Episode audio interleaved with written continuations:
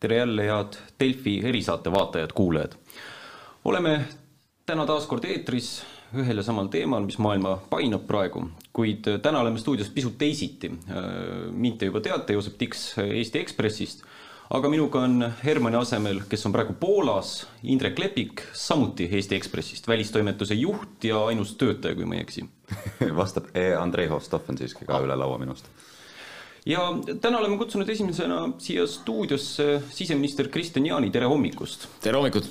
eilne äh, valitsuse istung või oli see Riigikogu istung, ma nüüd ei mäleta, igatahes vaieldi väga palju nende vabatahtlike üle, äh, kes siis äh, sooviksid minna Ukrainasse sõdima, aga mis nendega siis teha, jäi küsimus, et kas keelitada või keelata. Ähm, Kristjan Jaani, kui nad lähevad sinna sõtta ja sealt naasevad, kas te panete nad vangi? no mina ütlen siin niimoodi, et meil on piisavalt vaja seda vabatahtlikku äh, abi ka täna siin Eestis, äh, kas või siis, kui äh, Ukraina sõjapõgenikud rohkem on siia jõudmas.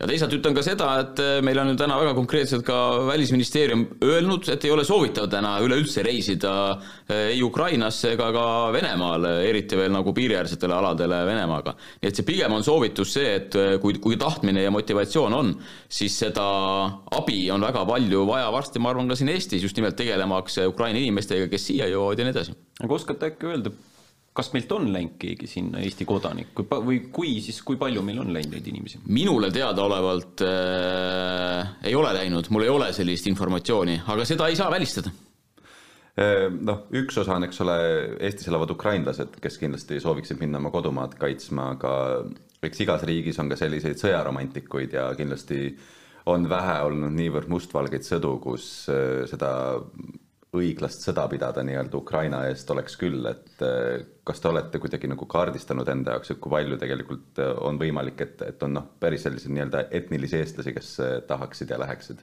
me kaardistanud ei ole, aga, aga aus vastus on see, et loomulikult on inimesi, kes on avaldanud soovi, on liikunud informatsiooni, et paneme kokku, läheme Ukrainasse, aitame enda naabreid ja nii edasi, et seda informatsiooni loomulikult on, aga ei, me ei ole nagu sihipäraselt kuidagi kaardistanud, kes need on, kas nad on ukrainlased, rahvuselt ukrainlased, kas nad on Eesti kodanikud, mingid teised rahva, teiste riikide kodanikud, aga elavad siin, nii et sellist kaardistust tehtud ei ole, aga loomulikult seda informatsiooni liigub, et inimestel selliseid mõtteid on.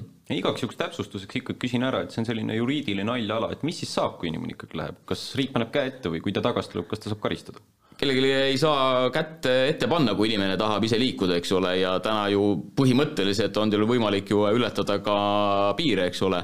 aga noh, juriidiliselt äh, täna on karistusseadustikus olemas iseenesest äh, paragrahvid, kui peaks näiteks minema inimene Eestist ja sõdima näiteks agressori sõjaväe Äh, koosseisus näiteks ja selle kohta on karistusseadustes äh, olemas sanktsioonid ja karistused. noh, see nüüd ei puutu küll otseselt siia, karistusseadustikus on olemas ka paragrahvid, mis räägivad, kui keegi nii-öelda selle terrorivõrgustikuga peaks nii-öelda liituma ja välisvõitlejatega, aga noh, ma rõhutan, see ei ole nüüd see kontekst praegu siin.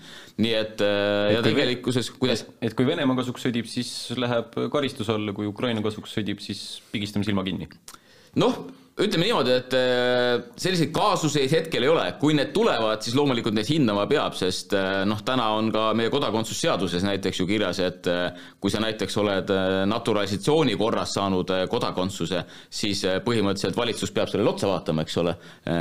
kui sellisel kujul kodakondsuse, Eesti kodakondsuse saanud inimene on kolmanda riigi sõjaväeteenistuses osalenud sõjategevuses. aga noh, siin on jällegi see, et kas nad on siis nüüd ametlikult teise riigi sõjaväeteenistuses nii-öelda, käsuahelas ja nii edasi.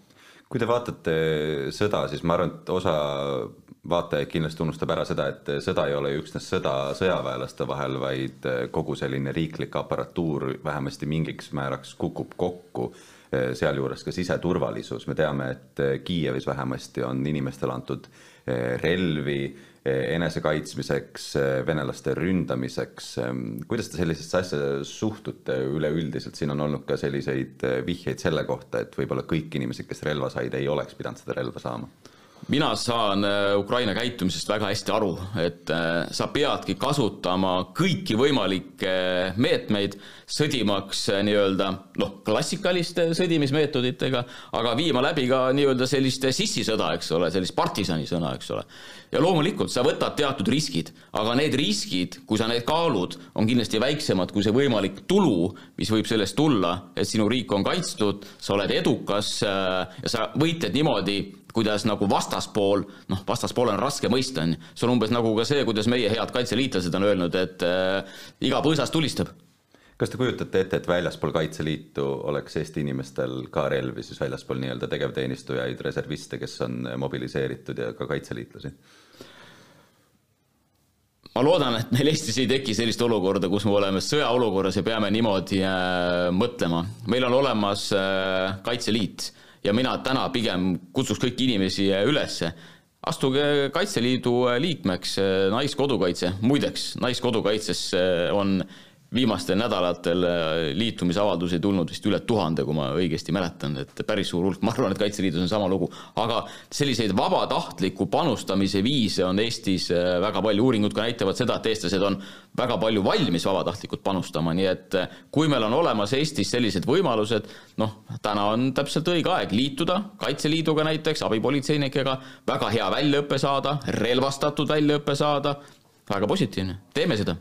Ma mõtlen, olete äkki oma kolleegidega suhelnud Ukrainast, et kuidas neil praegu politseiga üldse olukord on, kas neil on mõni politseinik järel, noh, inimesi on ju tegelikult relva alla sõduriks ka vaja, et, et kuidas nad selle siseturvalisuse üldse tagavad seal kohapeal?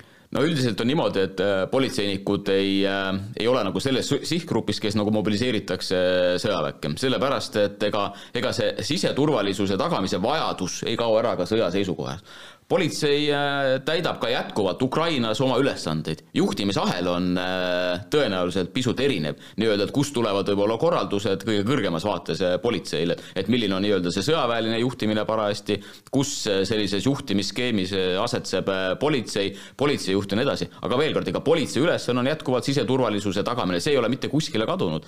Neid ülesandeid peab politsei jätkuvalt täitma, see on väga keeruline loomulikult, aga politseil on väga konkreetsed oma ülesanded ülesanded ka sõjaolukorras no veel enne, kui see sõda meie vabariigi aastapäeval puhkes sellisel kujul, jah, rõhutagem, et sõda tegelikult algas ju kahe tuhande neljateistkümnendal aastal.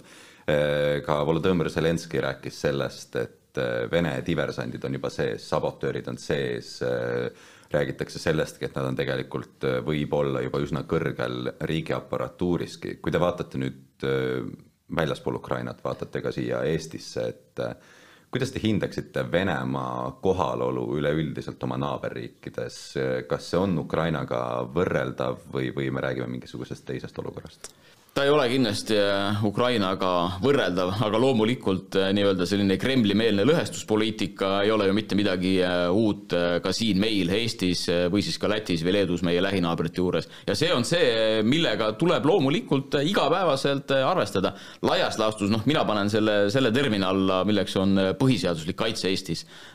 ja mille nii-öelda tagamine, ennetamine, reageerimine on Kaitsepolitseiameti ülesanne. ja veel kord, et ega Kaitsepolitseiamet ei hakka nagu seda põhiseaduslikku korrakaitset siis nagu vaatama siis, kui nüüd kuskil on mingisugune kriis või sõda nagu alanud, eks ole. et see on igapäevane tööülesanne, see on rutiinne tööülesanne selle kõige positiivmas, positiivsemas äh, võtmes. see ei ole midagi sellist, et nüüd hakake vaatama. kaitsepolitseiamet tegeleb sellega igapäevaselt äh, ja on olnud ka väga edukas selles, aga loomulikult hoiame silmad lahti me teame, et see lõhestamispoliitika on nii-öelda Venemaa poolt siia suunas olnud väga konkreetne juhitud äh, nii-öelda suund ja sellega peab arvestama, sellega peab tegelema ja kaitsepolitsei jaoks on see üks põhiülesandeid. kas te saate äkki näiteid tuua, et kus need äh, suunatud lõhestamised on või mis valdkonnas praegu kaitsepolitsei siis tegeleb? ei no vaatame kas või neid samasid äh, Venemaa meediakanaleid, mida väga palju siin rahvas on äh, vaadanud äh, ja mis on selle sisu olnud, on ju, ja selle sisu on ju väga konkreetselt olnud ka suunatudki selle peale, et äh, kuidas nii-öelda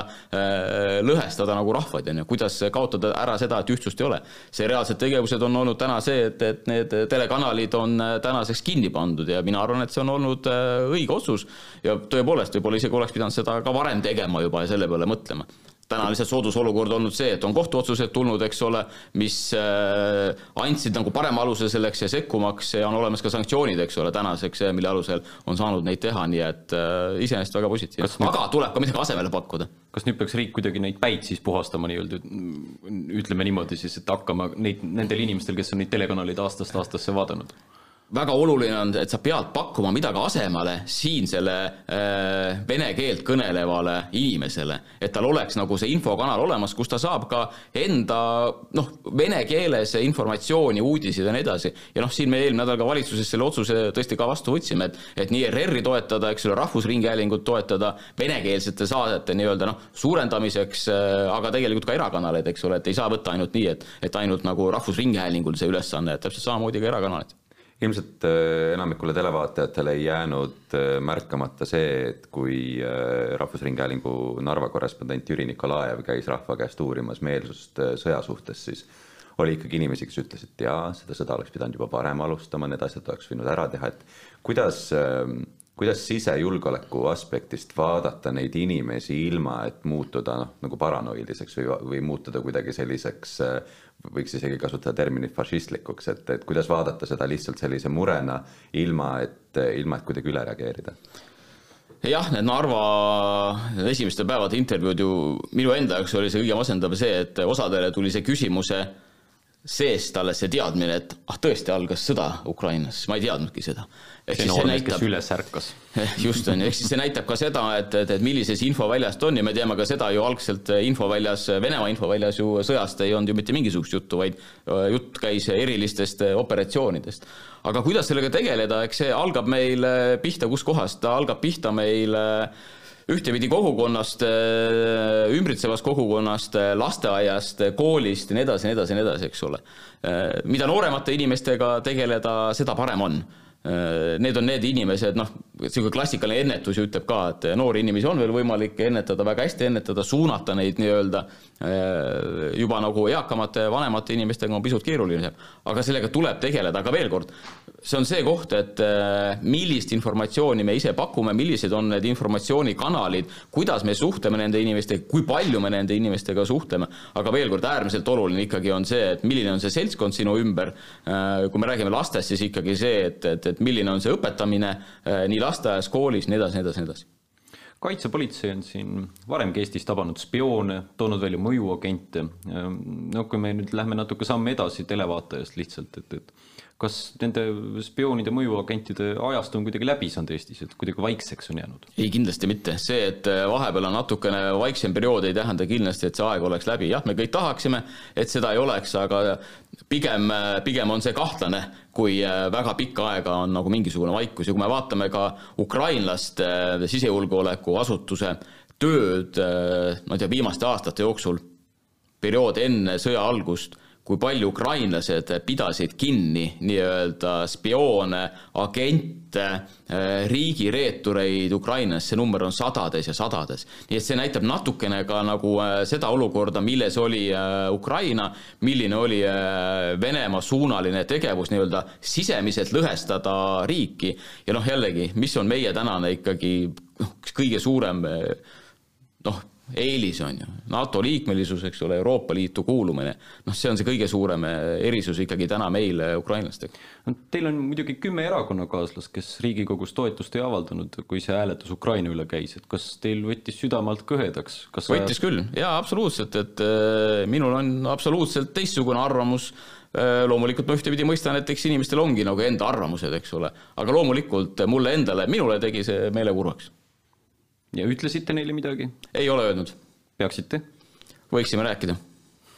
suur aitäh, Kristjan Jaani, meile saatesse tulemast, me jätkame õige pea, vaatame ära ühe video ja siis on juba uus külaline meil siin laua taga. aitäh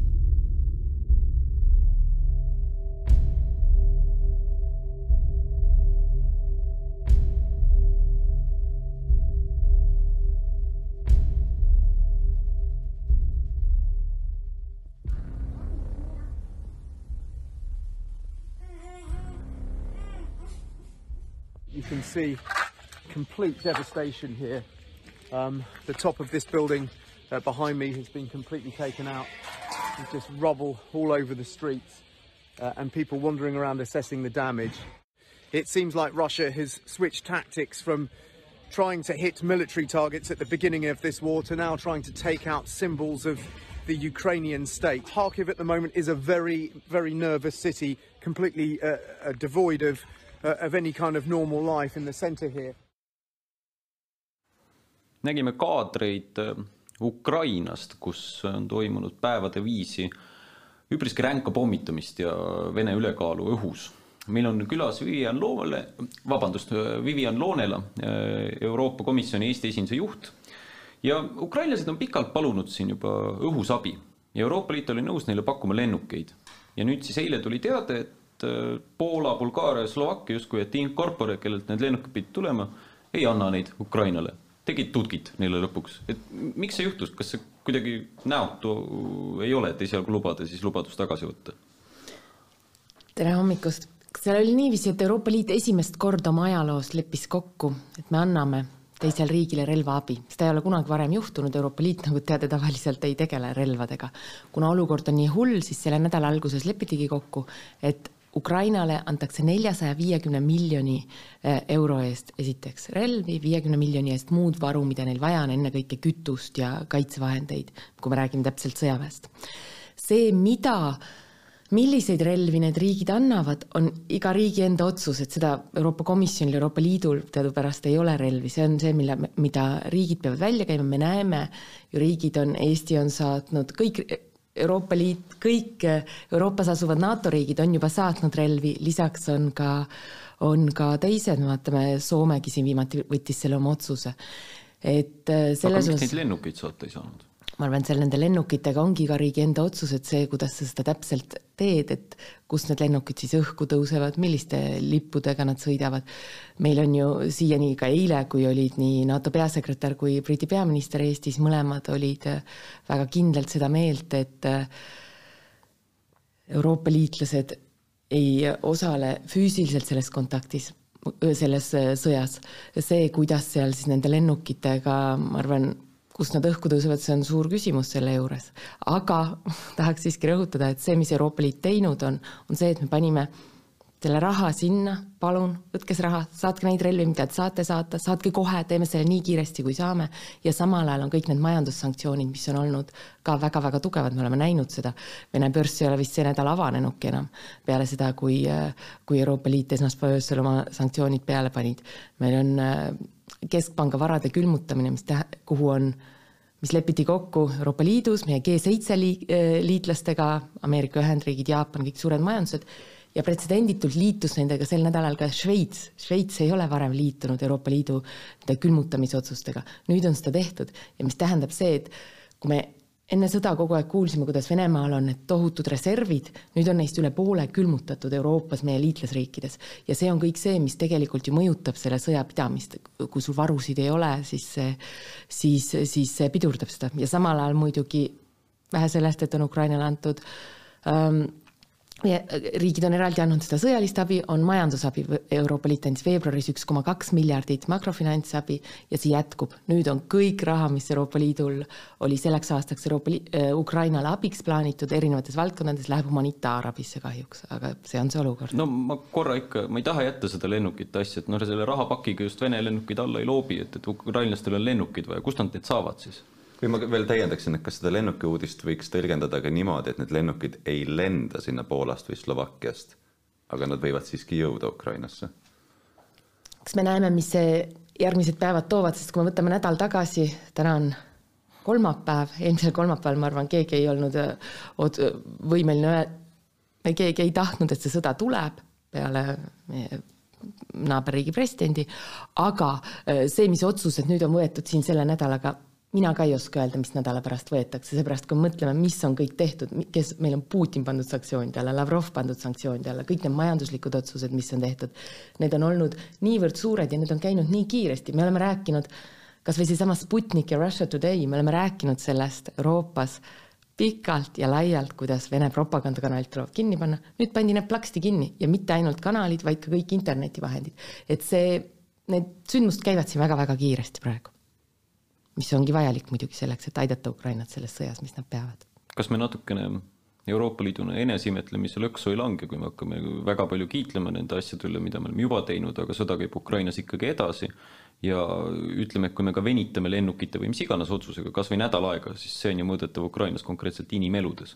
aga sellepärast ongi need otsused nii kiiresti tehtud ja need kindlasti ei ole tehtud mingi eneseimetlemise pärast, see, milline see mobiliseerimine on olnud ma olen ise komisjonis väga pikalt töötanud, tavaliselt need paketid valmistatakse ette kui me võtame kaks tuhat neliteist, mis oli pärast Krimmi äh, ülevõtmist, seal läks nädalate kaupa käisid need arutelud. nüüd oli nii, et reedel oli, eelmine neljapäeva õhtu kohtusid äh, riigipead, leppisid kokku esimeses paketis. reedel tulid välja järgmised, laupäeval järgmised, pühapäeval järgmised, siin me teeme päevadega asju, mida muidu ei tehta ei olegi kunagi tehtud ja see ei ole mitte midagi pistmist sellega, et oo, küll nüüd Euroopa paneb hästi, ei, seda tehakse kõike selleks, et Ukrainat aidata. Ja igaüks aitab nende vahenditega, mis neil on. komisjoni asepresident Šefčovitš ütles äh, Zelenskõile, et äh, me aitame pärast äh, teie võitu teie riigi üles ehitada, see kõlab küll nii, et me esiteks eeldame, et Ukraina võidab ja me oleme kindlad, et me oleme võimelised seda kõike üles ehitama, et, et sellele võidule on veel pikk tee minna. jah, loomulikult me peame olema kindlad ja lootma, et Ukraina võidab, mis see alternatiiv on. ja see, et Euroopa Liit siis aitab üles ehitada, see on ka kindlasti koos kõigi oma partneritega, ma arvan, kui me mõtleme, kuidas see võib edasi minna, loomulikult seal abi tuleb, kui me vaatame neid pommitamisi, mis on, seal on juba ju nii palju nendest asjadest, mis seal on ka ehitatud, kui me mõtleme alates kahe tuhande neljateistkümnendast aastast Euroopa Liit on andnud Ukrainale erinevates sektorites abi seitseteist miljardit eurot, see ei ole ka sugugi mitte väikene summa, me ei ole ühtegi riiki kunagi nii suure summaga abistanud. et see nagu see koostöötahe ja ma ei tea, ühes meeles olemine Ukrainaga on nagunii seal ja loomulikult see abi tuleb pärast, jätkab veel suuremana edasi milline see Ukraina teekond Euroopa Liitu on, nad on väga agarad, ma ei, noh, sõja ajal ma ei kujuta ette, kas on võimalik, et noh, võetakse Euroopa Liitu, aga milline see protsess üldse meie poolt kõige paremas usus välja näeb? Mm,? seal ongi, et jah, need üleeile president Zelenskõi allkirjastas selle taotluse, et saada Euroopa Liitu. Äh, eile liikmesriigid arutasid seda ja, ja võtsingi eile välja Euroopa Liidu lepingus oli kuidagi kummastavalt äh, selline lohutav lugemine, et sa saad vahepeal ka sõjauudiste vahel lihtsalt lepingut lugeda. aga kuidas see käib, on nii, et see avaldus on liikmesriikide nõukogule, liikmesriigid küsivad siis Euroopa Komisjonilt arvamust ja komisjon oma arvamuses hindab kõiki neid Euroopa äh,, Ukraina või kes iganes tahab liikmeks saada, praegu me räägime Ukrainast äh,, valmisolekut ja selle põhjalt hakkavad need läbirääkimised käima, see on see, mis see protseduuriline koht on. nüüd reaalpoliitikas järgmine nädal kohtuvad riigipead Prantsusmaal Prantsuse eesistumise ülemkogul ja, ja seal nad kindlasti arutavad, mis siis tegelikult, milline see poliitiline üksmeel on, sest nagu ka peaminister Kaja Kallas on öelnud, eelmine neljapäev, kui oli see äh, kohtumine Euroopa Liidu riigipeadega Brüsselis, siis see arutelu oli väga pikalt selle üle, et kas me võime korrata üle siin seda sõnastust, mis juba on kasutatud assotsiatsioonilepingus, et Ukraina on Euroopa riik, sinna-tänna aga jällegi, need, nüüd eile võttis Euroopa Parlament vastu resolutsiooni, kus nad praktiliselt ükshäälselt ütlesid, et jah, peame sellega edasi minema. presidendi komisjon von der Leyen on öelnud jah, me näeme, et Ukraina on meie poolel, loomulikult pikas perspektiivis peab Ukraina olema Euroopa Liidu liige. kui pikas? noh, mõtleme seda tagasi selles mõttes, et kui meil endal olid Euroopa Liiduga liitumisläbirääkimised, siis noh, see on selline bürokraatlik töö, kus käib peatükk peatüki haaval vaadatakse mingit toiduohutust ja justiitsreformi ja mm, passide andmise süstematiseeritust ja kõike, kõike, kõike muud, mis on Euroopa Liidu selle seadusandluse all, et ma kujutan ette, et meie Ukraina kolleegid, kes tegelevad nende teemadega, ilmselt ei ole praegu läbirääkimiste laua taga valmis asuma, vaid enamikus on kahjuks sõjas. kas see on Euroopale ka nagu mõista andnud, et et eh, see laienemine on ikkagi väga vajalik selleks, et Euroopa noh, ütleme siis ikka selline poliitiline kultuuriruum laieneks, et siin Balkani suunal on pikalt olnud ikkagi kriitikat, et, et see tempo on liiga madal, tegelikult eh, me näeme ju, et NATO on näiteks Balkanil kiiremini laienenud kui Euroopa Liit, et, et kas Euroopa Liit on pidanud enda jaoks midagi nagu fundamentaalselt ümber hindama? Äh, mis puudutab nüüd seda laia, laiemat laienemispoliitikat, siis praegu selleks muidugi sel nädalal ei ole aega olnud, siin tõesti on tegevus käinud kõigega, et me saame teha kõike nüüd täna ja homme ja eile, kuidas seda Ukrainat paremini aidata. ma arvan, see arutelu kindlasti tuleb järgmisel nädalal seal äh, riigipeade või valitsusjuhtide kohtumisel. aga noh, see on küll Euroopas kõigile selge, te olete näinud ise seda solidaarsust, mis tuleb igast valitsusest, ka nendest, kes seni on olnud, ütleme, meiega, Eestiga sugugi mitte nii ühel meelel. kõik saavad aru, jah, Ukraina seal, muidugi nad sõdivad oma iseseisvuse eest, aga nad sõdivadki nende Euroopa väärtuste eest, mida meie siin kalliks peame, et see on täiesti selge loomulikult. Nad on väga, väga kindlalt meie poolel küsiks natukene sanktsioonide kohta, et kuigi nad on üpriski laiaulatuslikud, siis ma vaatan poes mõned Vene tooted veel on müügil, laev sõidab Helsingist Peterburi vahet ja nii edasi, edasi, et kas sellised augud topitakse ka kinni või kui kaugele võivad sanktsioonid ulatuda? jah, töö käib järgmiste ja järgmiste pakettide kallal, et praegu on olnud nii, et me oleme võtnud, mis me oleme teinud, on pandud pangad võetud SWIFTist välja, on keskpanga varad äh, külmutatud, on oligarhidele äh, pandud uued sanktsioonid ja on öeldud, mida on öelnud välja nii komisjoni president kui ka eile öösel oma kõnes äh, Ameerika president Biden, nüüd lähme ja võtamegi nendelt oligarhidelt ära nende varad, see, mida on jällegi meie äh, need meie sõbrad Venemaal on seda ju küsinud nii kaua meilt kõik, käite Lennart Meri konverentsil, iga maikuu on öeldud jah, palun tehke seda. nüüd me oleme sinna jõudnud. muud sanktsioonid, mis on pandud, on praegu see, et tõesti on need lennukeelualad, nüüd ka Ameerika laiendas seda lennukeeluala, see, et Enda territooriumil, mitte Ukraina territooriumil. Enda territooriumil jah, see riigid saavad otsustada enda territooriumid üle, seda me tahamegi vältida, et ükski teine riik ei otsustaks selle üle, mis toimub teise riigi territooriumil ja need majandussanktsioonid, mida me näeme, mida me näeme aina enam, enam neid mõjusid, seal pandi esiteks paika lennundussektor ja naftasektor, et nad ei saa enam varuosast, nad ei saa uusi ähm, aparaate või masinaid, mida neil vaja jah, ja me oleme näinud, kuidas see mõjub tegelikult ka sellesse, et need naftafirmad, British Petroleum, Shell, kes on sealt välja tõmmanud, Apple lõpetas oma toodete müügi, Maersk, konteinerid lõpetavad selle ära täna öösel oli ka teada, et ExxonMobil tõmbab ennast välja ja Boeing. jah, jah, et seda tuleb ja need ei, noh, need on kuidagi seotud nende sanktsioonidega, me ei ole öelnud Euroopast, et te peate seda tegema, seda teevad ka ettevõtted ise enda tarkust, nii nagu siin, kui korjati need Vene kaubad poodidest ära, see ei tule nendest otsustest, mis on Euroopa Liidus tehtud, vaid siin on ka selline inimeste enda solidaarsus jälle märgis. kui me vaatame selle protsessi teist poolt, siis äh kas on nii, et eh, Venemaa tõmbab oma väed Ukrainast välja, võib-olla noh, mitte võib-olla, vaid päris kindlasti jätab Krimmi jätkuvalt enda kätte ja siis me ütleme, et endine olukord on taastatud, sanktsioonide paketi võib maha võtta mis see, mis see tingimuslikkus nende sanktsioonidega on mm,? noh, mul on alati õpetatud, et hüpoteetilistele küsimustele ei tohi vastata, aga, aga sellega on nii, et kui need sanktsioonid ükskord on paigas, siis see, et neid ära võtta, selleks on ka vaja ükshäälsust. kust see tuleb? Me, selles mõttes see šokk on ikkagi, jällegi meil ei ole mingit mõtet käia ja öelda, et me oleme öelnud teile nii ja näete, alates oktoobrist siin on kõik see luureandmed nii olnud. oli, mis oli, nüüd see sõda, mis on alanud, see on väga-väga nagu selgelt kohale jõudnud, sest me näeme ähm, kõikidelt nagu Euroopa Liitude, Euroopa riikidelt tuleb see otsustavus, et jah, me peame siin tegutsema, ei ole kuulnud ühtegi äh, ühtegi sõnavõttu, mis ütleks, et nüüd tuleb kuidagi mõista ja mõelda ja kuidas ta paremini saaks. ei, esimene prioriteet on, et aidata Ukrainat, et nad saaks sellele vastu panna. kas selle vastuse viimane pool on, et Putini režiim peab lõppema, et need sanktsioonid lõpeksid või? noh, me peame kõik lootma häid asju elus selle positiivse mõttega lõpetakski siin Vivian Loonele, aitäh teile, paneme väikse vaheklipi mängima ja siis tuleb meile juba järgmine külaline.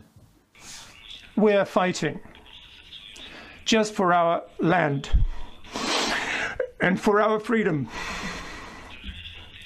Despite the fact that all large cities of our country are now blocked, nobody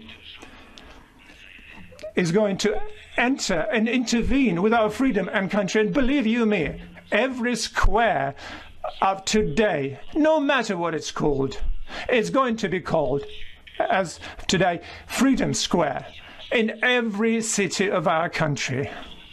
Nobody's going to break us. We're strong. We're Ukrainians. ja jätkame stuudiost, meil on nüüd külas Välispoliitika Instituudi direktor Kristi Raik. Tere hommikust. üks teema, mis vaevab vaataja, lugeja, kuulaja pead, on see, miks ei ole võimalik NATO-l Ukraina kohale lennukeelutsooni kehtestada. kui me vaatame seda asja nagu natukene laiemas plaanis, äkki te kirjeldaksite, mida see päriselt endast kujutab, sest et ma tunnen, et ei ole päris täpselt aru saada, mida see endast tähendaks. kõige skeptilisemad inimesed ütlevad, et see tähendaks kolmandat maailmasõda ja kõige sellised äh, kuidagi leebema loomuga inimesed ütlevad, et aga miks me ei või seda ära teha. miks me ei või? Äh, no alustades nüüd sellest äh, kolmandast maailmasõjast, ma tegelikult ütleks, et mingis mõttes me juba oleme seal.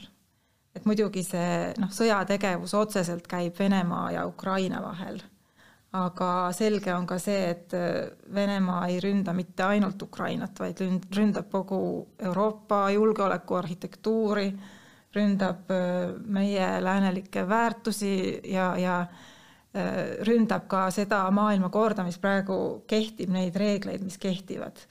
ja, ja lääne toetus on selgelt Ukraina poolel ja, ja tegelikult nagu äh, nende toetavate sammudega on juba mindud hämmastavalt kaugele, et lääs on tegemas asju, nii eurooplased kui USA, mida veel noh, nädal aega tagasi ei oleks keegi osanud ette kujutada. aga jah, see lennukeelutsoon, ehm, noh siin tuleb siis see piir vastu, millest USA nagu väga selgelt ei ole tahtnud üle astuda. et äh, USA ei ole valmis nagu otseselt Ukraina territooriumil äh, ise nagu sõjategevusega sekkuma. ja, ja see seisukoht on nagu korduvalt äh, väljendatud. Ähm, kas see ka nagu lõpuni äh, püsib või kas see võib muutuda, noh, ma arvan, et, et see ei ole ka päris kindel. võib-olla see võib isegi muutuda, aga see loogika mis siin nagu suurriikide vahelises dünaamikas Venemaa ja USA vahel on, on ikkagi see nagu äh, suurriikide vahelise äh, sõjaoht ja, ja räägime suurriikidest, kel, kellel on tuumarelv ja, ja Venemaa on tuumarelvaga ähvardanud ilmselt ka eesmärgiga nagu hoiatada läänt, et hoidke eemale nii et, et see paneb meid nagu väga keerulisse olukorda, et, et noh, ühelt poolt äh, loomulikult me ei saa nõustuda Venemaa ultimaatumitega, aga teatud selline ettevaatlikkus on, on ikkagi USA ja, ja lääne poolel, äh, mis paneb nagu piirid sellele, et kui kaugele oma sekkumisega ollakse valmis minema. kas ma võin selle tuumarelva kohta täpsemalt küsida, et ähm, see on võib-olla natukene rumal loogika mul äh, ja kui ta on, siis kindlasti riielge palun minuga aga kas see, kui kaks tuumariiki on omavahel konfliktis, ei tööta just pigem heidutusena, et kumbki ei kasutaks seda, seevastu kui praegu on Ukraina ja Venemaa konfliktis, kus ma kardan, et kui Venemaa peaks kasutama Ukraina vastu tuumarelva, mitte miski teda ei karista? Äh, loomulikult see on just see loogika, mis näiteks külma sõja vältel töötas, et, et äh, tuumariigid kõik teavad, et kui nad seda relva kasutavad üksteise vastu, siis see tähendab kõikide hävingut lõpuks ja see on konflikte ära hoidnud nagu suurriikide, tuumariikide vahel. aga kas me võime nagu sada protsenti olla kindlad nüüd selles, kui kaugele Venemaa on valmis minema, ma ütleks, et nagu viimase nädala sündmuste valguses seda ka ei saa öelda. Ja, ja selge on see, et äh, Vladimir Putin ei ole jätnud endale mingit taganemisteed ja ta on valmis ilmselt minema väga kaugele, et tema ei ole valmis äh, kaotust aktsepteerima. tema läheb nii kaugele, kui tal lastakse minna. kaasa arvatud tuumarelvani? no ma, ma ei taha siin kas... nagu mingeid noh, selliseid äh, maailmalõpu stsenaariume hakata välja joonistama, aga Venemaa tegevus on ikkagi tõestanud seni, et me nagu lõpuni välistada midagi ei saa ja noh, siin tuumarelva puhul on ju ka tegelikult nagu väga erinevaid stsenaariume, midagi võib juhtuda kogemata või on see variant, et äh, nagu piiratud moel taktikaliselt äh, kasutada tuumarelva, noh kindlasti see ähvardus äh, hoitakse nii-öelda laual et see on nagu osa sellest pildist nii või teisiti. ja, ja sellega on nagu läänel väga raske ähm, nagu arvestada, et, et äh, ühest küljest nagu mitte, mitte agressorile järele anda, aga samas, et ikkagi mõelda läbi kõik need erinevad stsenaariumid ja, ja mõelda, et mida me siis ise oleme valmis tegema ja ja kui Venemaa tõesti peaks minema nii kaugele, et mingil moel tuumarelva kasutab, et mis on sellisel puhul reaktsioon.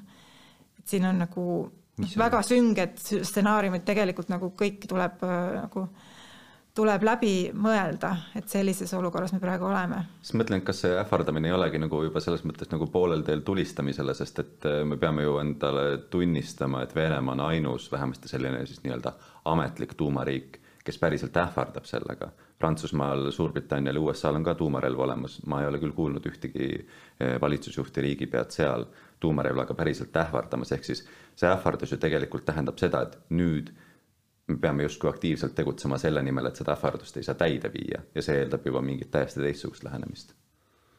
No see lähenemine, mis praegu on võetud läänes, on, on ju see, et siis äh, otseselt äh, ei minda sõdima Ukrainasse, aga igal muul võimalikul moel toetatakse Ukrainat, et praegu see hinnang on olnud see, et see on nagu see kõige parem öö, moodus öö, ära hoida öö, seda, et, et Venemaa need oma tuumarelva ähvardused ka käiku laseks. Kas see on praegu nullsumma mäng, Putin ei ole nõus taganema, Lääs, ma ei tea, kas on nõus taganema, ma kardan, et mitte, päris palju on juba pandud sinna alla. Ukraina kindlasti ei ole nõus taganema. on, kindlasti see on nullsumma mäng ja niimoodi Venemaa on selle üles ehitanud ja, ja ei ole nagu soovinud endale taganemisteed jätta. selge see, et nagu Putini jaoks on mängus äh, nagu tema, ütleme äh, tema tulevik, tema võimule jäämine võib-olla isegi tema elu ja tema lähikondlaste elu.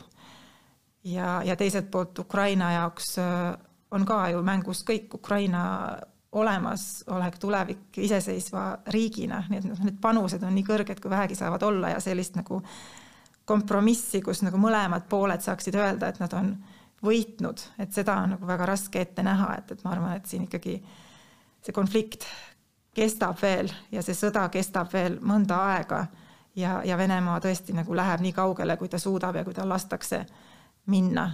ja, ja meie nagu omalt poolt läänes peame kõik tegema selleks, et, et Ukrainat äh, toetada, et, et Venemaa peatada. sest äh, mida kaugemale Venemaa suudab minna Ukrainas, seda tugevamad on loomulikult ka need äh, mõjud kogu Euroopale. Eestis on ju kindlasti sellest aru saadud, aga kas ka Euroopast on aru sa-, Euroopas on sellest aru saadud, et äh, see probleem tegelikult ju ei kao enne seda, kui Venemaal ei vahetu võim, sest et sõltumata sellest, mis Ukrainas juhtub, sõltumata sellest, kas äh, Ukraina, ütleme siis, äh, ma ei teagi, tingimuslikult võidab selle sõja, Venemaa osaliselt okupeerib Ukraina, Venemaa täielikult okupeerib Ukraina, Vladimir Putin jääb sinna ja me võime olla veendunud et järgnevatel aastatel tuleb mingi uus jama? no ma ise olen tegelikult kindel selles, et äh, seda varianti ei ole, et äh, Putin võiks nii-öelda tagasi minna sellise normaalse riigipea staatuse juurde, kus teda koheldakse rahvusvaheliselt kui aktsepteeritavat riigijuhti. Tema on nagu ennast lükanud paaria staatusesse ja sealt ta enam välja ei saa, et äh, muidugi on ka need stsenaariumid võimalikud, et Venemaa mingil määral mingi võidu Ukrainas saavutab ja, ja Putin püsib veel äh, võimul, aga see ei tähenda seda, et, et äh, lääneriigid hakkaksid nagu temaga jälle normaalselt suhtlema, et seda tagasiteed, ma arvan, ka ei, ei ole ja noh, lääneriigid üldiselt ju ei tegele nagu võimuvahetusega, režiimivahetusega, see, see on nagu üsna välistatud, et sellest nagu otseselt ei räägita. aga noh, see, mida Lääs teeb nagu, kui massiivsed sanktsioonid on kehtestatud ja, ja kui, kui laialdaselt toetatakse Ukrainat ja kui, kui tõhusalt nüüd lõpuks ometi nagu isoleeritakse Venemaa et see ju ikkagi paneb nagu tohutu surve Putini režiimile. et siin on nagu kaks sellist nagu väga olulist äh, tegurit nagu selle edasise äh, arengu puhul, et üks on muidugi ukrainlaste äh, kaitsevõime ja tahe, mis nagu jätkuvalt on väga kõrge, aga teine on see, mis toimub nagu Vene ühiskonnas. me väga täpselt ei tea seda, mis seal toimub, aga noh, siit-sealt tuleb signaale, et on rahulolematust on, on kriitikat ka eliidi hulgas ja, ja mida rohkem nagu Venemaa nüüd äh, kannatab ja maksab kallist hinda nii majanduslikult kui ka ju inimelude näol selles sõjas, seda rohkem see hakkab tasapisi ka sellist nagu Venemaa ühiskonna meeleolusid mõjutama, et noh, millalgi tuleb ka see päev, et Putini aeg saab läbi. Vabandust, ma selle juurde jälle tagasi tulen, aga ma lihtsalt tahan viimast korda nagu küsida, et kas me saame olla kindlad selles, et ainukene välislind Euroop-, välislend Euroopasse, mille Putin teeb, on Amsterdami selleks, et sealt rongiga Haagi sõita? või kus iganes siis äh, neid sõjakuritegusid loodetavasti hakatakse arutama, aga ma arvan, noh, see peaks ka olema väga selge siht nüüd äh, lääneriikidel, et äh, Putin ja tema režiim peab lõpuks välja jõudma rahvusvahelise õiguse ette ja peab saama hukka mõistetud, sest need teod on lihtsalt nagu nii, nii brutaalsed, et, et äh, siin nagu teist võimalust ei saa olla. aga selle jaoks peab keegi ta sinna viima, selle jaoks peab Vene ühiskond murduma. kus see hakkab murenema, et me küll räägime, et siit-sealt on näha märke, aga samal ajal Urmas Paet oli meil eile stuudios, ütles, et tegelikult suur osa Vene ühiskonnast ikkagi pooldab seda, mis Putin teeb. Ja seal on väga efektiivne propagandamasin taga, inimestel küsitakse, et mis toimub Ukrainas ja kui ütled, et Kiievit pommitatakse, siis nad ei usu. Mm. -hmm. ja ega ei maksa oodata siin mingeid väga kiireid äh, muudatusi, et siin noh, võib minna kuid, võib minna ka aastaid, et, et see konflikt äh, jätkub ja, ja äh, noh, väga erinevad stsenaariumid on võimalikud, praegu on nagu võimatu ennustada aga paraku noh, maailma ajaloos on ju küll neid juhtumeid ka, kus ikkagi toore jõu kasutusega äh, saavutatakse võitusid ähm,. ja, ja ka see variant ei ole nagu päris äh, välistatud. mis on välistatud, on see, et, et äh, Venemaa ja lääneriikide vahel niikaua, kui Putin on võimul, võiks minna tagasi mingite normaalsete suhete juurde kuidas me selleni üldse jõudsime, sellisesse droonide mängu olukorda, kus meil on inimene, kes võib toore jõuga lihtsalt üle võtta mõne riigi, valitseda ja teha, mida ta tahab, ja, ja samal ajal meil ongi selline nullsumma mäng tekkinud, et võidab üks või võidab teine, sureb üks või sureb teine? Ehm, jaa, no selles mõttes see sõda on ju nagu pöördeline hetk ja, ja jällegi ma nagu sellepärast ka ütlen, et, et tegemist on maailmasõjaga, et et noh, see raputab läbi kogu rahvusvahelise korra ja noh, rääkimata Euroopa julgeolekuarhitektuurist, et kui siin nagu lõpuks mingi lahenduseni jõutakse, et siis tuleb see nagu tõsiselt ette võtta, läbi mõelda, et kuidas me tõesti nagu jõudsime nii kaugele. ja, ja me oleme nagu sarnases olukorras, nagu oldi äh, Euroopas pärast äh, esimest ja teist maailmasõda, kus noh, muidugi loodame, et see nii laialdaseks sõda seekord ei, ei lähe aga et, et äh, nagu sarnaselt ähm, oleme siis äh, sunnitud nagu väga sügavalt läbi mõtlema, et kuidas äh, luua selline julgeolekuarhitektuur Euroopas, mis edaspidi nagu välistaks millegi sarnase juhtumi. Ja, ja äh, väga palju nagu sellist ütleme, analüüsi, mõtlemistööd ka nagu tuleb teha, et, et tõesti nagu mõelda, et kuidas me ikkagi selleni jõudsime, et miks Lääs nii valesti luges Venemaad ja miks Venemaal lasti nii kaugele minna, miks teda varem ei peatatud, kui see oleks olnud lihtsam? üks julgeolekuarhitektuur meil on, mis saab varsti viiekümne aastaseks ja sisuliselt saame öelda, et ta on kokku kukkunud, see, mis tuhande üheksasaja seitsmekümne viiendal aastal Helsingis kokku lepiti, et riigipiire vägivallaga ei muudeta, noh, me oleme ju tegelikult võinud tunnistada, et ega kaasaegse Venemaa puhul on seda rikutud ikkagi juba aastakümneid, me ju, Moldova on ju tegelikult olnud okupeeritud eh, jõetaguselt Dnestri jõe tagant ju noh, sisuliselt juba kolmkümmend aastat, et, et, et selles mõttes kui palju üks niisugune arhitektuur, eh, olgu siis ta mingite lepetega määratletud või mitte, üldse pidada saab?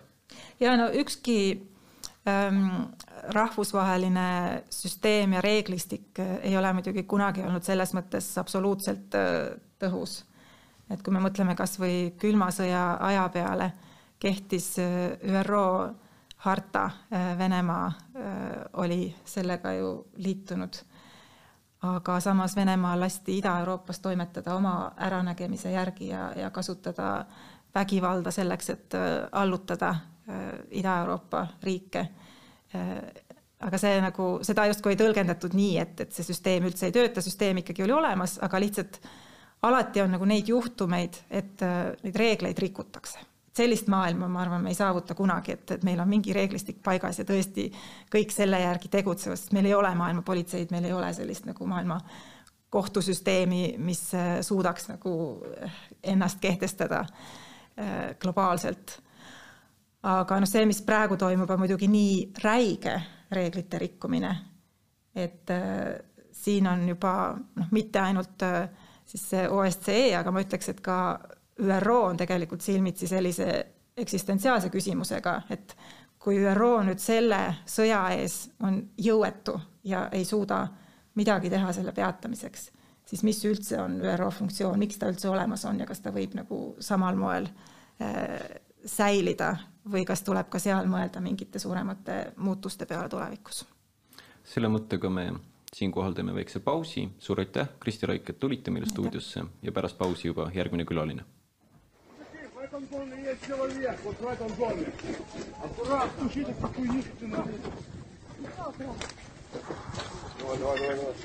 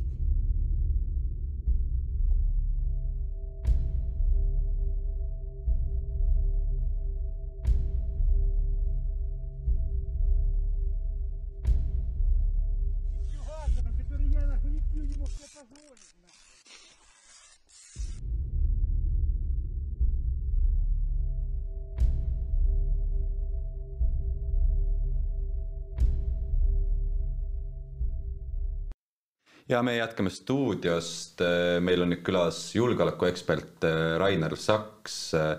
no haarates. Kristi Raigilt äh, sõnasabast, äh, kas kolmas maailmasõda on alanud?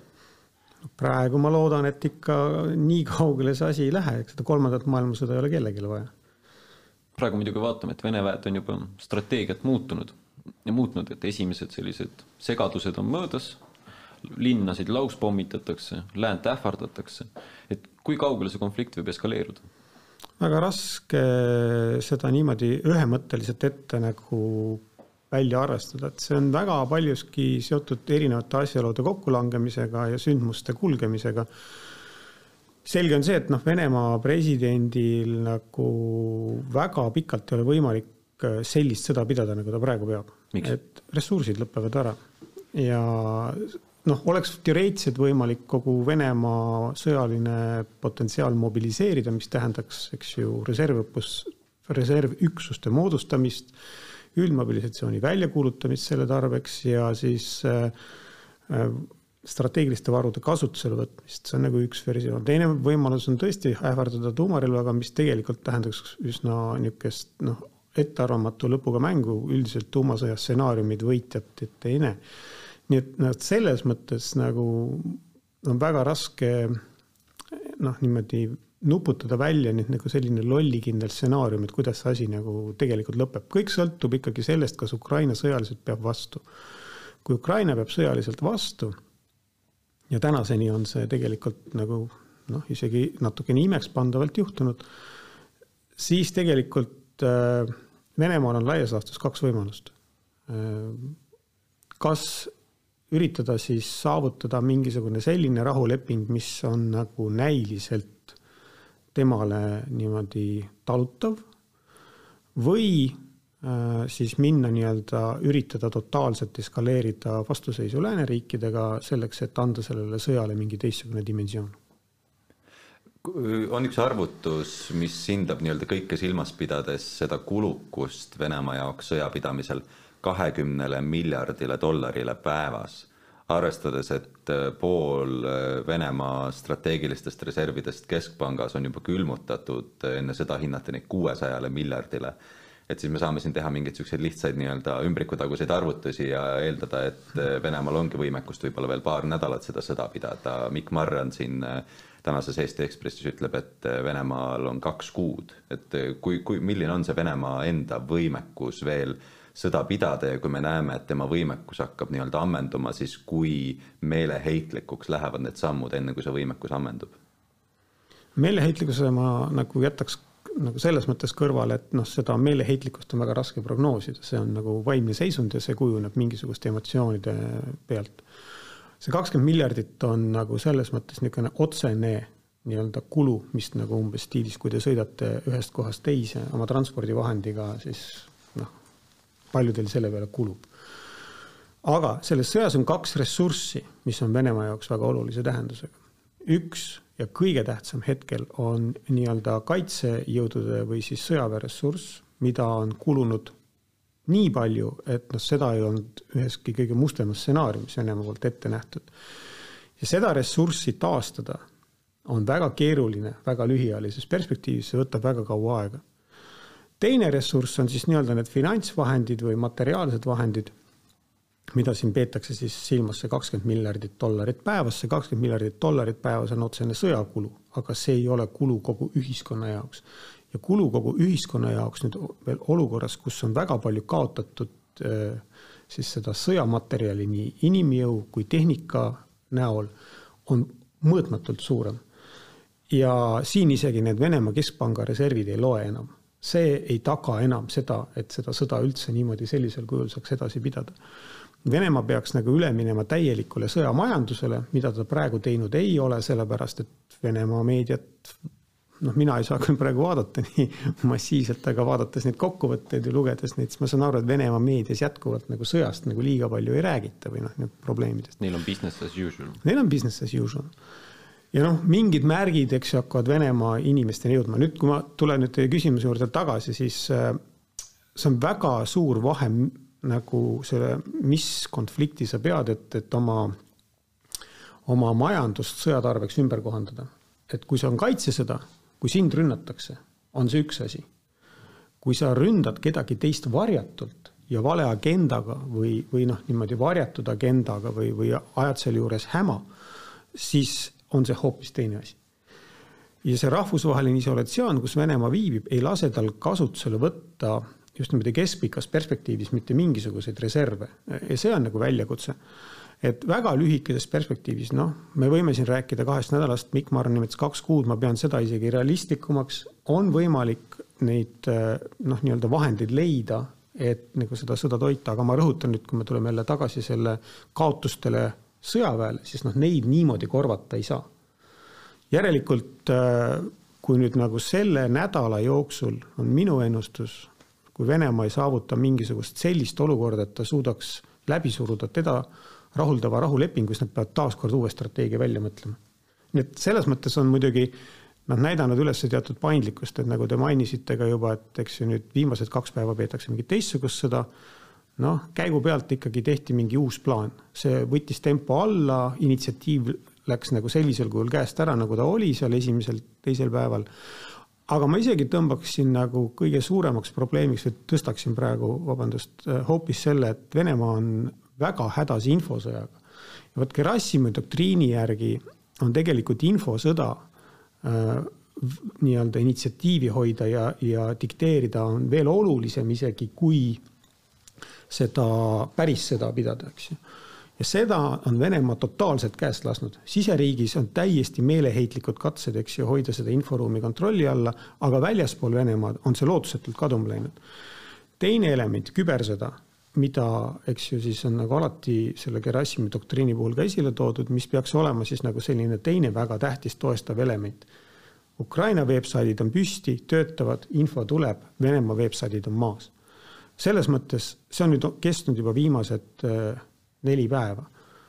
minu jaoks väga üllatav, ütleks need aspektid. ma seda, et ukrainlased võitlevad kaevikutes ja, ja võitlevad väga hästi, seda ma eeldasin ja seda ma teadsin ja, ja see, see ei olnud minu jaoks üllatus. aga see, mis toimub just nimelt küberiga ja ka inforindel, see on minu jaoks üllatus. ma võtaks selle Indreku küsimuse meeleheitest ikkagi uuesti üles, seda on küll raske prognoosida, aga kogu see info peab kellenegi äh, lõpuks jõudma, et on kaotatud küberinfo ja võib-olla ka, et kaevik. ja kes seal Putini lähi, lähiringkonnas siis on see, kes peaks minema meeleheitele, kes ütlema, et aitab või ütlema, et me peame siit iga hinnaga välja tulema, milline see lähiring on, kes otsustab ja kes mõjutab? No vot, siin nüüd olen mina natukene hädas, et ma nagu sellist strateegilist luureinfot hetkel ei näe juba, juba viimased, viimased üle aasta. aga ma tean seda, et on kogu aeg kaheldud selles, et kas Venemaa presidendile kantakse ette adekvaatset informatsiooni nagu sellest, mis, mis olukord on ja see on nagu noh, selles mõttes võib-olla selline eskaleeruv äh, trend, et eks paljudel planeerijatel Venemaal erinevatel tasanditel on selline noh, soov mõtlemisest lähtuv äh, ja ega ka läänes, kui me vaatame, siis ka lääne selline strateegiline planeerimine tihtipeale lähtub rohkem mingitest poliitilistest soovidest kui nii-öelda reaalsusest, eks ju, või reaalsetest olukordadest. ja, ja selle tõttu noh, me ei tea, kui täpselt Putinile ette kannat-, kantakse, vanasti vähemalt enne seda, kui see kui see Ukraina kriis kaks tuhat neliteist, viisteist üldse nagu tõsiselt puhkes. enne seda noh, oli ikkagi nagu selline üsna kindel teadmine, et Putinile meeldis võtta nii-öelda erinevatest allikatest neid ettekandeid ja siis neid ise oma peas nagu kokku keevitada kuidagi või noh, võrrelda ja aga noh, praegu kui nüüd on töötanud see julgeolekunõukogu süsteem Venemaal niimoodi siin noh, viimased kümmekond aastat ja see enamus äh, raporteerimist ja, ja infot käib läbi selle presidendi administratsiooni ja läbi tema abide, mitte otse vist on see mulje olnud. no siis on väga raske sellele vastata, et noh, kus kohas nagu see info siis nii-öelda tegelikult lõpuks kohale jõuab. üks, mis on kindel praegu, on see, et, et see sanktsioonide mastaapsus on, on Putinile kohale jõudnud. ja, ja tegelikult see on nüüd nagu see, see esimene tõsine löök, mis on tema teadvusesse jõudnud, et äh, need sanktsioonid ei oleks tohtinud tulla nii kiiresti sellises ulatuses. ja eks siis lõpuks sõjaväelased lunastavad selle kuidagimoodi selle, selle hetke nagu kas niisugune asi nagu paleepööre on üldse tänasel päeval Kremlis võimalik? no mina alati soovitan mitte seda võtta planeerimise eelduseks ja selle peale mitte loota. palee, autokraatlike süsteemide puhul on alati kaks nõrkust, on juhi tervis äh, ja juhi vahetus. selles mõttes, et pealtnäha tundub lihtne, et võtad nii-öelda selle eelmise kuidagi juhi ära ja siis äh, tuleb mingi uus ja, ja kuidagi on nagu võimalik. Venemaal siiski, kui ma tuletan meelde, on juhivahetust ju proovitud, et Putinil ei ole, ei ole olnud järjepanu president, et vahepeal oli Dmitri Medvedev oli Vene Föderatsiooni president. ja, ja selles mõttes see Vene süsteem ei tohiks olla nii äh, noh, ja ikka ka nüüd nagu tundub, et nagu selle viimase viie aastaga on see noh, nii-öelda kuvand võimust muutunud liiga Putini keskseks, varemalt see oli nagu mitmekesisem natukene. Äh, ma ise arvan, et keegi ei arvesta Venemaal nagu praeguses faasis veel mingisuguse paleepöördega, see oleks nagu rumal, sellepärast et äh, see tähendaks ikkagi nagu väga suure kaotuse tunnistamist laiemalt, see on väga suur risk. ja no see peab olema ikkagi juba siis nagu selline äärmuslik äh, vahend, kuidas sellest kriisist välja tulla.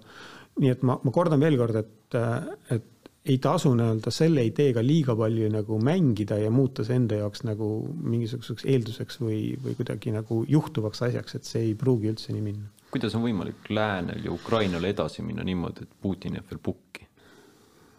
no siin on nüüd nagu tegelikult üks, üks ainukene põhjus, miks, miks, miks tuleb sellega võib-olla teistel ka leppida, on see, et et esiteks tuumarelvad ja noh, see ei ole mänguasi, kaos Venemaal võib kaot-, noh, ütleme, kui kaob kontroll tuumarelva üle, siis see on kindlasti risk, mida ei taha keegi võtta ja noh, no see on nüüd, nüüd asi, mida meie ütleme Eestis võib-olla ei tajunud nii selgelt, kui Nõukogude Liit lagunes.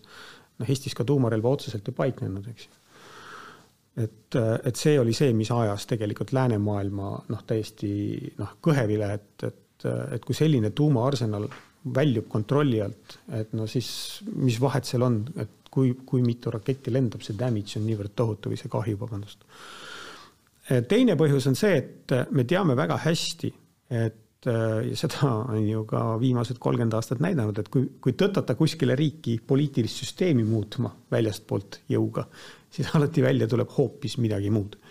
kui see noh, arvati ja mina ei soovitaks mitte kunagi kellelgi minna jõuga teise riiki juhti vahetama, välja arvatud juhul, kui see noh, ütleme, toome siin paralleeli nagu võib-olla siis sellise juhtumiga, kus peetakse siis tõesti nagu sellist lõppematut sõda või, või noh, ütleme, et ähm, midagi, aga no ikkagi Venemaa puhul oleks see tohutu risk sattuda mingisugusesse täiesti ettearvamatusse sündmuste ahelasse, mis tavaliselt lõpevad hoopis teistmoodi kui see, kui sa nagu alguses mõtlesid, et sa teed midagi head, siis, siis lõpuks oled sa tegelikult mingisuguses väga halvas olukorras.